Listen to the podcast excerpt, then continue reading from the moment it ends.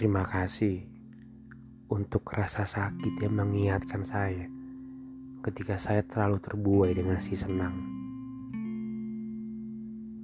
Kemarin, saya terlalu gagah menganggap bahwa saya mungkin salah satu manusia beruntung di belahan bumi yang fana ini.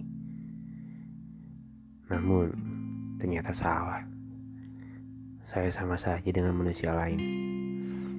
Ah, Sudahlah, namanya juga manusia.